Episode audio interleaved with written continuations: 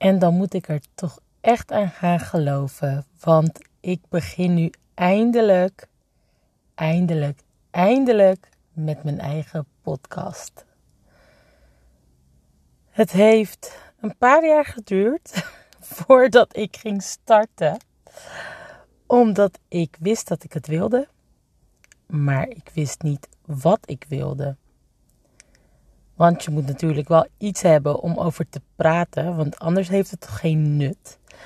Um, en ik ben wel iemand die het fijn vindt om waarde te brengen, maar dan moet het ook wel echt waardevol zijn in mijn ogen.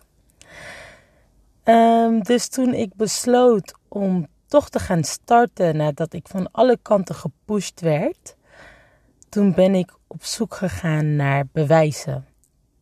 Bewijzen waarom ik dit wel zou moeten doen, in plaats van waarom ik dit niet zou moeten doen.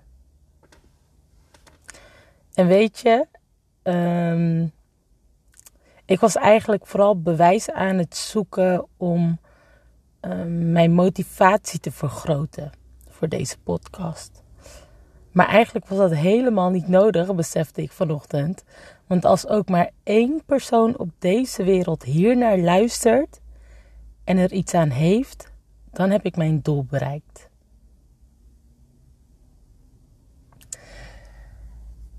Dus ja, en ondanks dat ik er zo in sta nu, vind ik het wel spannend. Dus ik ben gewoon naar een hoekje van Den Haag gereden, een uithoekje. En ik dacht, ik zoek een mooi plekje op waar ik lekker kan gaan zitten in mijn auto met mijn uh, microfoontje. En dan ga ik gewoon praten. En ik dacht dat dit wel een leuke plek zou zijn. Ik um, heb geparkeerd bij een vijvertje met zo'n fonteintje. En nu hoor ik de hele tijd het water en moet ik plassen. Dus het is helemaal niet slim. Maar we gaan het gewoon doen. Um, en ondanks dat ik geen bewijzen nodig heb, wil ik wel de bewijzen delen met jullie die ik um, gevonden heb de afgelopen twee weken. Nou ja, op een gegeven moment ben ik eigenlijk gewoon gestopt met zoeken, want ik dacht: dit is meer dan voldoende. Oké, reden 1. Ik kan intens genieten van gesprekken met anderen. En elke keer als ik met mensen praat en, en bewondering krijg, want dat gebeurt eigenlijk bijna altijd. Wat ik geleerd heb is dat ieder mens zo uniek is, zijn eigen verhaal heeft. Het maakt niet uit hoe erg vervelend ik je vind. Ik weet, er zit een verhaal achter.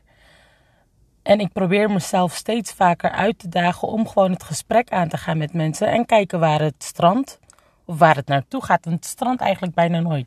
Moet altijd alles en iedereen afkappen of zij mij omdat ik te veel praat. Um, dus uh, ja. Maar wat ik gemerkt heb is dat ik intens geniet van die verhalen. En elke keer als ik aan het praten ben, denk ik: shit, konden andere mensen dit ook maar horen? Konden andere mensen ook maar zien hoe bijzonder dit mens is? En dat heb ik tot nu toe eigenlijk altijd gehad, bij iedereen wel. Dus de mensen die ik ga interviewen, dat zijn mensen waarvan ik denk dat. Nou, eigenlijk alle mensen mogen uh, gehoord worden. Maar dit zijn de mensen waarvan ik denk. Als andere mensen zouden horen hoe zij in het leven staan, dan zouden ze zomaar geïnspireerd kunnen raken. En dat is dan ook wat ik uh, wil met deze podcast. Ik wil mensen inspireren om te gaan leven. Ik wil dat mensen zien dat andere mensen leven en dan zelf zin krijgen in het leven en gewoon ervoor gaan. Ik wil dat mensen moedig worden, moediger om meer van zichzelf te houden, om zich uit te spreken naar anderen, om zo dapper te zijn om te doen wat ze zo graag willen.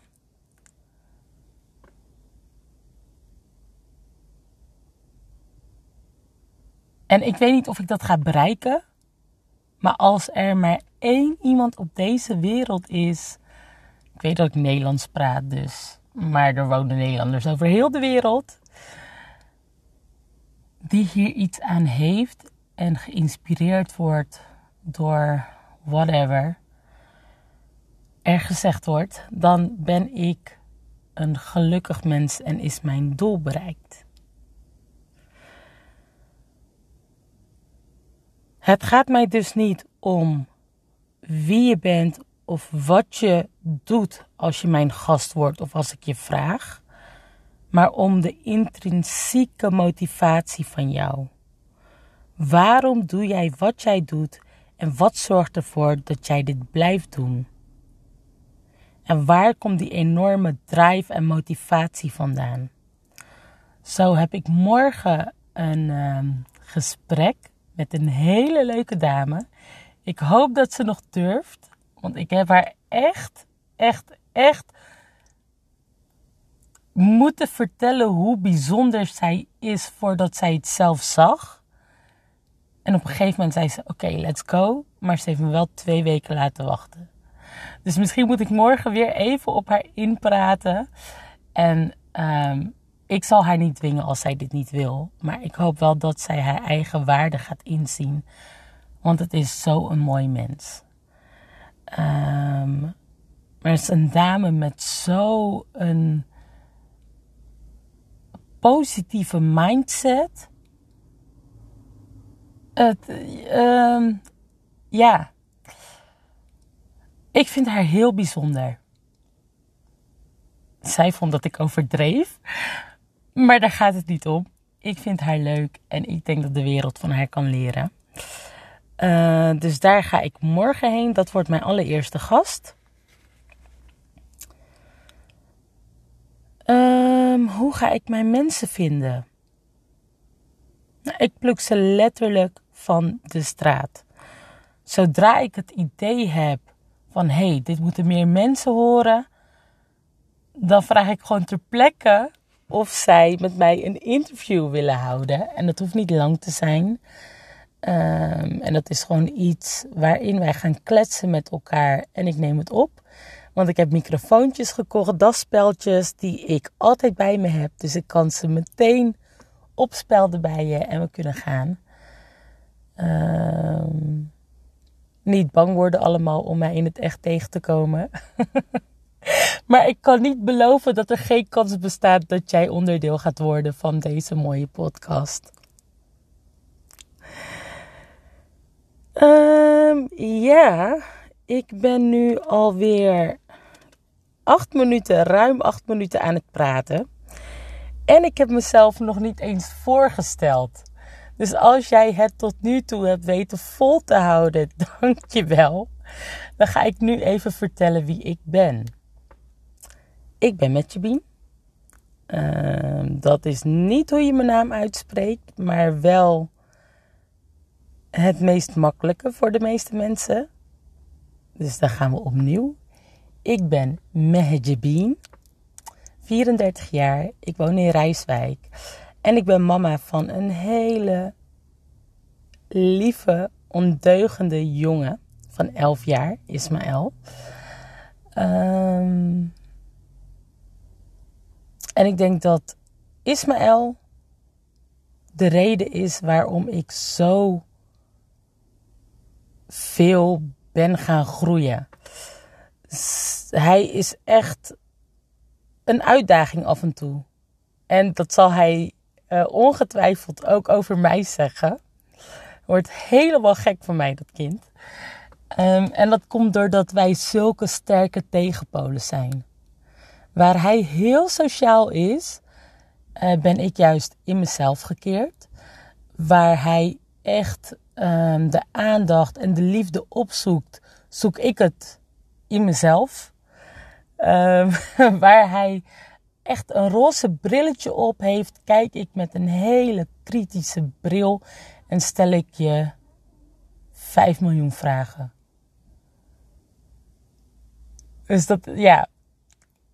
En hij is gewoon heel, um, ja, sociaal in de zin van hij houdt echt rekening met de mensen om zich heen, om hem heen. Ehm, en hij kijkt echt heel goed van oké, nou als ik dit zeg, hoe voelt de ander zich dan? En ehm, kan ik dit wel zeggen? Moet ik dit wel zeggen? Doe ik de ander geen pijn? Ja, en ik ben wat directiever. Dus uh, als ik iets denk, dan zul je dat meteen horen van me.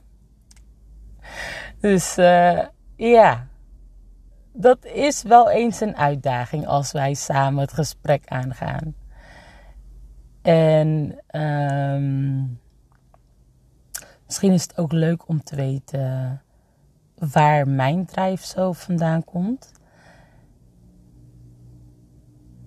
Um, ja, wat ga ik dan vertellen? Want ik heb heel veel verhalen.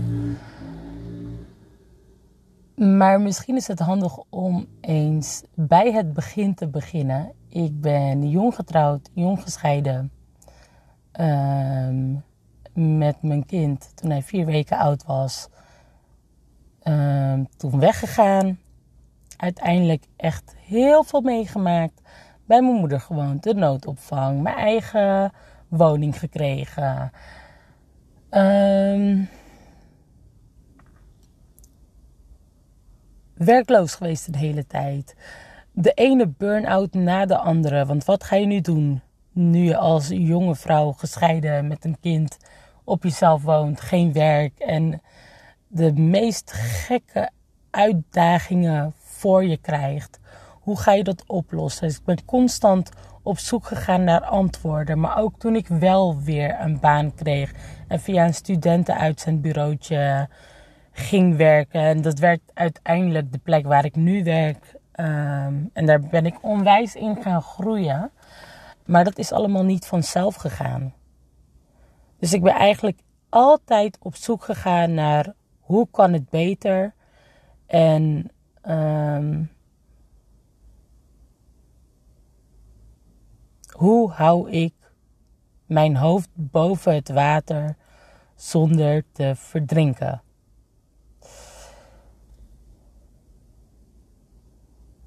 Nou heb ik mijn A-zwemdiploma. dus zwemmen kan ik wel. Maar ik ben dus gaan ontdekken dat ik ook in het leven goed kan zwemmen. En elke keer als ik mensen tegenkom, vragen ze aan mij: maar hoe doe je dat dan? En waarom zit je er nog steeds niet doorheen?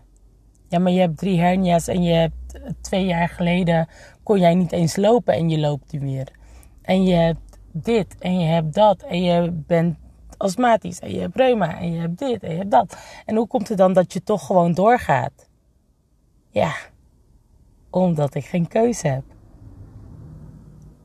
En ik voel gewoon ook echt dat ik wil leven. En dat ik deze wereld wat moois te brengen heb. En ik voel me ook verantwoordelijk om um, er gewoon wat moois van te maken. Want als ik hier ben, betekent het dat ik ook iets te doen heb.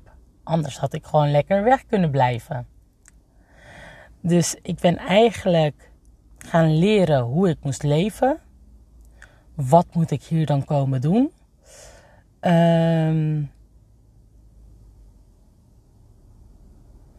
en ik ben dus constant op zoek gegaan naar antwoorden.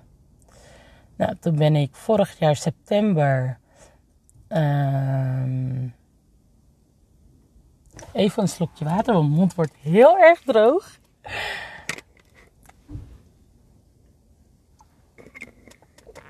En dat gaf me ook weer even een paar seconden om na te denken van waar dit heen gaat. Um, ik volgde de Groeiboekenclub op Instagram. En zij waren toen net begonnen met hun club. Toen kreeg ik een berichtje van Michel Jansen van... Hey, zou jij het niet leuk vinden om mee te gaan lezen? Toen dacht ik, oké, nou ja, leuk. Weet je, wat heb ik te verliezen? Ik ga het gewoon doen. En toen begonnen we met het boek Atomic Habits, elementaire gewoontes van James Clear. En dat boek heeft mij zo gegrepen. Ik vond het zo'n prachtig boek. Dus elke keer als iemand mij vraagt of ik een boek ken uh, over gewoontes, dan raad ik dat boek aan omdat het zo lekker praktisch is. Dus je weet gewoon precies wat je moet doen nadat je dit, ja, dit boek gelezen hebt. En uh, je krijgt genoeg context mee. Dus er wordt genoeg uitgelegd. Dus dat was fijn. Maar ik had met Michel er ook over. En ik weet dat um, de persoon waar ik het nu over ga hebben heel slecht in de media staat op dit moment. Um,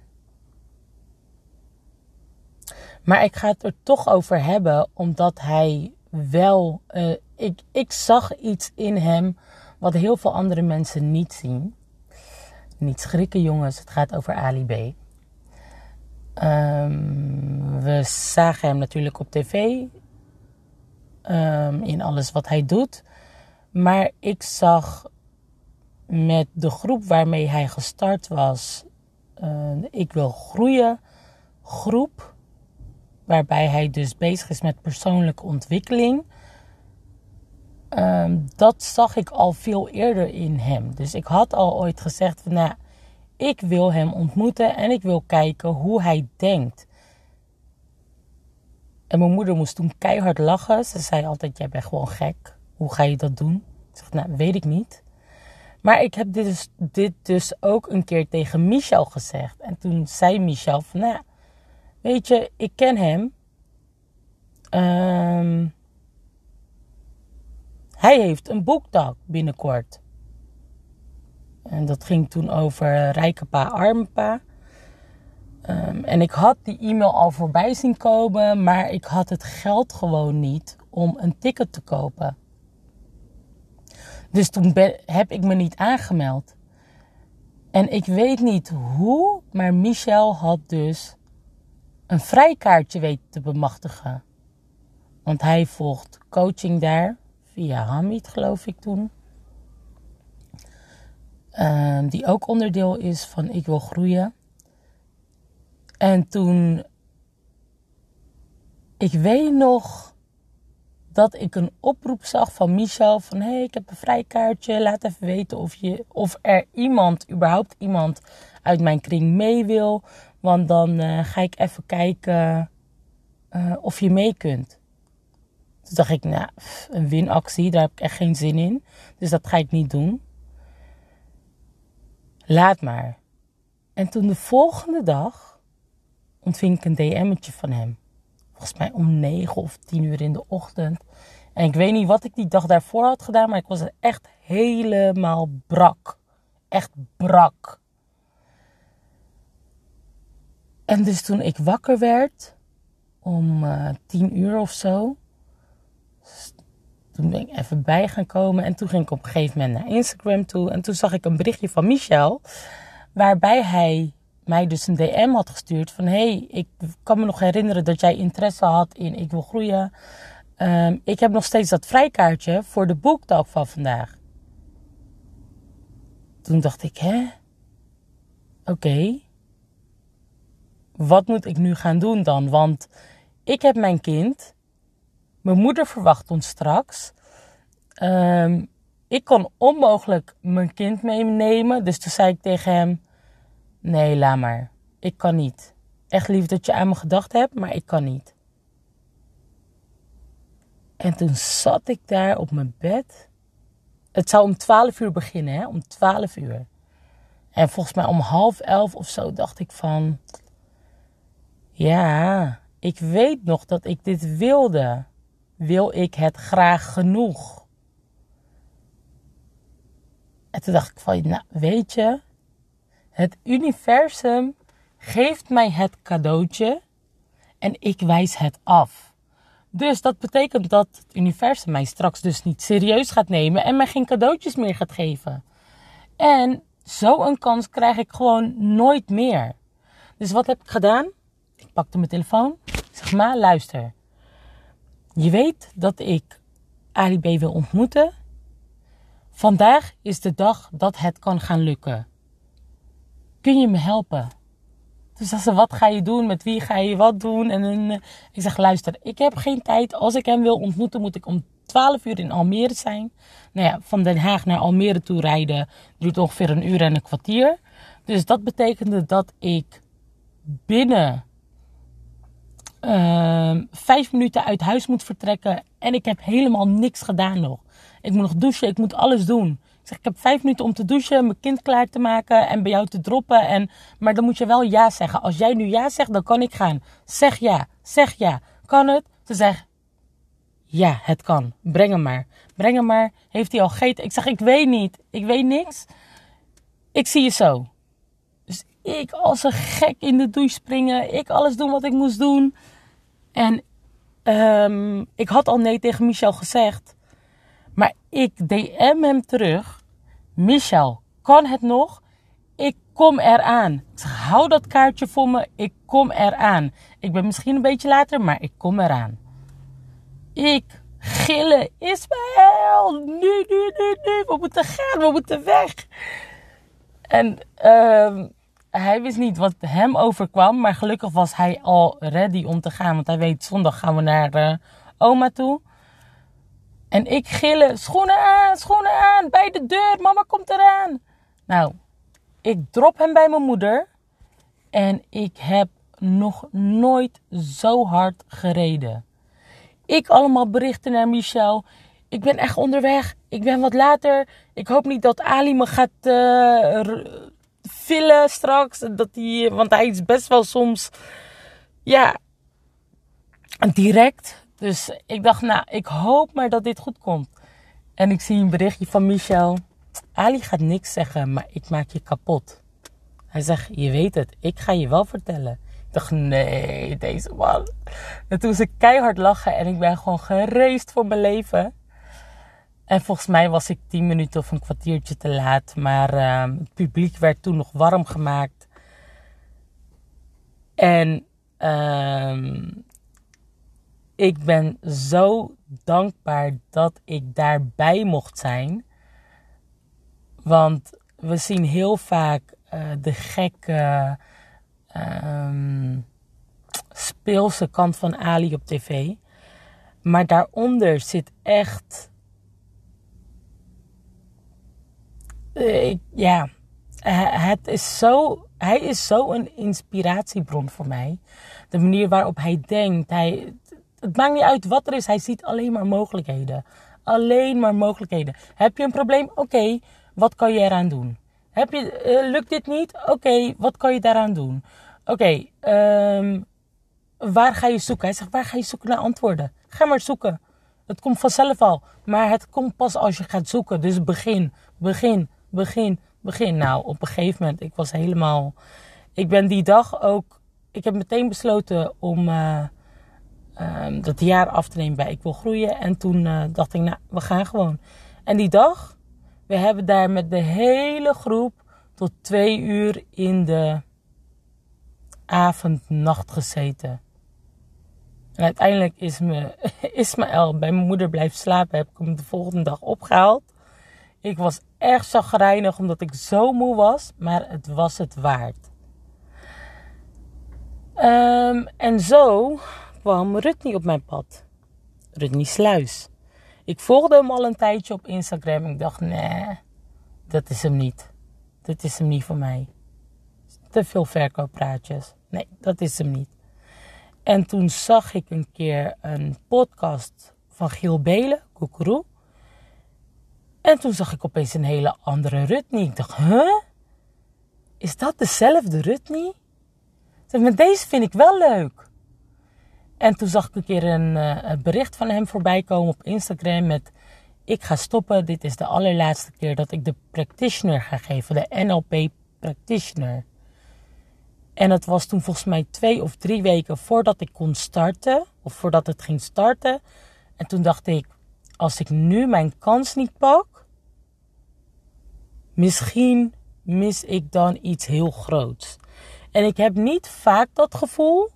Maar nu had ik echt zoiets van: oké, je moet gaan, je moet gaan, je moet gaan, je moet gaan, je moet gaan. Ik heb me gewoon aangemeld en ik dacht: weet je, ik zie wel hoe ik dit ga betalen. Want ik heb niet 3.500 ergens gewoon random liggen. Dus toen ben ik gewoon in gesprek gegaan uh, met mijn werkgever. Ik zeg ja, ik weet dat ik iets van uh, ontwikkelingsloopbaan, geld, traject, geld of iets ergens heb. Kan ik dat hiervoor inzetten? Hij zegt ja, ja, ja natuurlijk. Ik zei shit, maar ik kom wel tekort. Oké. Toen ben ik met de administratie gaan praten, financiële administratie. Ik zeg luister ik heb maar zoveel, ik kom echt nog een duizendje tekort. Ik zeg, wat kunnen we doen in mijn salaris? Kan ik dat afbetalen of hoe gaan we dit doen? Hij zei, ja, weet ik niet. Ga maar even met de HR eh, praten. Nou, HR was er niet. Ik denk, weet je, ik spreek gewoon de directiesecretaresse aan. Ik zeg, luister, Suzanne, wat kunnen wij doen? Ik zeg, dit is iets wat ik wil gaan doen. Ik moet dit doen. Ze zegt, ja, ik vind ook dat jij dit moet gaan doen. Ik heb ook NLP gedaan. Het gaat je zoveel brengen. Ik zeg, ja, ja, maar ik ga gewoon voor het stukje gewoonte en zo. En uh, weet je, ik wil uh, een coachingspraktijk beginnen. Elke keer als mensen met mij praten, merk ik op dat ze vrolijk worden. En dat hun problemen minder lijken. Of dat ze in ieder geval verder kunnen. Dus dat lijkt me wel leuk en dit lijkt me dan een leuke aanvulling daarop. En toen zei ze: Weet je, je kan ook gewoon het gesprek met je leidinggevende aangaan. Zeg gewoon: vraag of hij alles wil betalen. Zeg, vraag het gewoon, je weet het nooit. Zegt ze: En om hem een beetje te lokken, zeg je dan: uh, Ja, de rest uh, doe ik zelf. Zeg je parkeer betaal je zelf, je studie doe je in je eigen tijd en zo. Weet je, regel je het een beetje zo. Dus ik een heel mooi mailtje maken, naar mijn leidinggevende sturen. En tot mijn verbazing kreeg ik: Oké, is goed. Oké, is goed. Shit, dat betekent dat ik ga starten. Maar ik had wel eerst bij moeder gecheckt natuurlijk. Voor de zekerheid of het überhaupt zou kunnen. Want zij moest opletten 15 dagen lang. Vier weekenden heeft zij opgeofferd van haar leven. Zodat ik kon gaan groeien. Of aan mijzelf kon gaan werken. Um, dus ik ben dat gaan doen. En het is vandaag 1 juni. En 30 mei, twee dagen geleden, heb ik mijn diploma gehaald. Ik ben zo, zo, zo, zo, zo ontzettend dankbaar dat ik deze opleiding heb mogen volgen. Ik heb echt momenten gekend dat ik dacht dat ik dood ging. Je denkt dat je weet wat je doet in het leven. Totdat je een opleiding bij Rutney Sluis gaat volgen. Sluis eh, NLP Instituut. Van Rutney en Pim Jansen. Die moet ik ook, zeker ook die moet ik noemen. Want ze hebben het beide zo goed gedaan. Met zoveel liefde. Maar ze maakt je helemaal kapot. Helemaal kapot. Letterlijk alles wat ik over mezelf geloofde en wat ik dacht en wat ik dacht te zijn, is volledig ontkracht. Weet je, ken je dat gevoel dat je denkt van ja man, ik ben lekker bezig. En nu Super Mario aan het spelen op level, uh, uh, wat is het, 98, nog maar twee levels heb ik dit spel uitgespeeld. Op dag 4 ging ik zo naar huis met dat gevoel. Dat was het eerste weekend. Het tweede weekend liep ik naar binnen. En aan het einde van die dag, toen we echt met gewoontes aan de slag gingen. Ik was zo kapot dat ik. Ik kon mezelf niet eens een cijfer geven, want ik, wilde, ik durfde niet hoger dan een 2 te geven. Dacht, wat heb ik heel mijn leven gedaan? wat heb ik heel mijn leven gedaan? Echt. Uh, ik, ik kon niet eens meer. Ik, op dag 6 kwam ik binnen, gestrest, hyperventileren, nog net niet huilen, astma aanvallen van hier tot Tokio, echt om de seconde. Het gevoel dat ik zou gaan stikken. Ik, uh, als ik daaraan denk, ik heb gewoon de hele ochtend biddend doorgebracht. Biddend en aantekeningen gemaakt, want ik wilde niks missen. Ik ben een echte schrijver, dus alles wat ik hoor, um, schrijf ik op. Nee, wacht, ik moet dat anders zeggen. Mijn ehm, leervoorkeur is luisteren. Dus alles wat ik hoorde moest ik opschrijven en dat is de manier waarop ik leer. Maar ik ging dood. Ik heb zoveel pepermuntjes gegeten, misschien wel drie, vier rollen die dag, om mezelf te kalmeren. En ik weet dat pepermunt die werking op mij heeft. En ik weet nog dat een jongen naast mij zat. Jong, nee, jongen, een man. Er zat een man naast mij. Ik weet niet of je het leuk vindt, maar ik ga je naam noemen. Marvin. Hij heeft mij zo goed geholpen die ochtend. Hij zat gewoon elke keer te kijken: wat is er met deze chick? Gaat het wel goed? Gaat zij dood? Moet ik 112 bellen? Wat moet ik doen? En ik weet nog dat er een oefening kwam waarbij je ehm, een nare gevoel moest gaan omzetten naar een positief iets. En daar kreeg je dan drie hulpbronnen bij en dat ging je dan ankeren. En nou, het kwam erop neer dat dat waar je bang voor bent of dat wat niet goed is, dat maak je zo klein dat het bijna niet meer voelbaar is. En dat wat je nodig denkt te hebben om ehm, dat vervelende gevoel te overroelen, maak je ex zo extreem groot dat het ook daadwerkelijk het probleem gaat overroelen. En dat heeft Marvin toen zo goed bij mij gedaan. Hij heeft mij zo mooi geherprogrammeerd dat ik um, tijdens die oefening letterlijk boven mezelf uit ben gestegen. Ik heb mezelf toen uh, liefde. Um, was het zelfvertrouwen en licht gegeven. Dat ik in die oefening letterlijk ben gaan groeien. En dat um, medecursisten om ons heen dat zagen en achteraf zeiden van wow, wat daar gebeurde was zo mooi. En dat wat daar toen in het moment gebeurde, nu 15 dagen later, um, moet ik het goed zeggen, dat is nu geworden wie ik ben. Die anker die ik toen heb geplaatst, hoef ik niet eens meer te gebruiken, want dat is nu onderdeel van mijn identiteit geworden. En dit is maar één mini, mini, mini dingetje wat ik vertel over deze opleiding. Maar ik heb um, zo ontzettend veel mooie dingen meegemaakt daar. Um, ik had zo bijvoorbeeld de overtuiging: ik ben te veel. Ik mag mezelf niet laten zien moet een stapje terug doen. Omdat ik dat zo ervaarde in mijn leven. Ik ben best wel assertief. Um, zoals mijn kind zegt, je bent de dapperste mens die ik ken. Een heel mooi compliment. Je gaat er gewoon voor. No bullshit. Als er iets moet gebeuren, pak je het op. Um, en dat is eigenlijk wat ik altijd heb gedaan. Maar ik zag dat mensen om mij, mij heen um, letterlijk. Uh, ja, ik zag dat zij zich kleiner gingen maken. En dat wilde ik niet voor ze. Dus ging ik mezelf kleiner maken, zodat zij konden groeien. En zodat zij de ruimte kregen. Nou, heel erg lief van mezelf, maar dat is natuurlijk niet de bedoeling, hè? Maar wat er dus gebeurd is.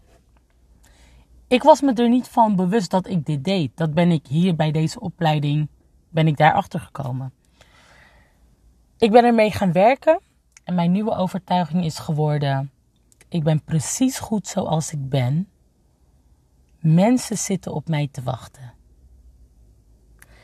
Dus, ik ben een podcast gaan starten. En er zijn nog zoveel andere mooie dingen die ik in mijn hoofd heb en die ik ook wil gaan doen en ook echt ga doen. Ehm, daar gaan jullie. Ik denk, ik zat even te denken. Denk, ga ik dat vertellen nu? Nee, we zijn al 35 minuten op weg. Dus ik ehm, ga zo richting de afronding uh, toe. Dus dat, dat komt gewoon. Um, ja, het voor op een later moment dan. Maar wat ik dus echt geleerd heb, is dat als je iets wil, dan moet je het gewoon gaan doen. Dat is wat je het meest gaat brengen. En dat geldt dus ook voor deze podcast. Het is niet perfect. Ik heb geen idee hoe het geluid zal zijn. Ik heb wel mijn mic bij me en hem opgespeld. Um, maar ik weet het niet. Ik weet überhaupt niet hoe je een aflevering online zet. Dus ik ga straks merken of het gelukt is. Maar ik weet wel dat ik dit heel graag wil. Vooral omdat um, nu met de komst van social media zie ik gewoon hoe onzeker mensen worden.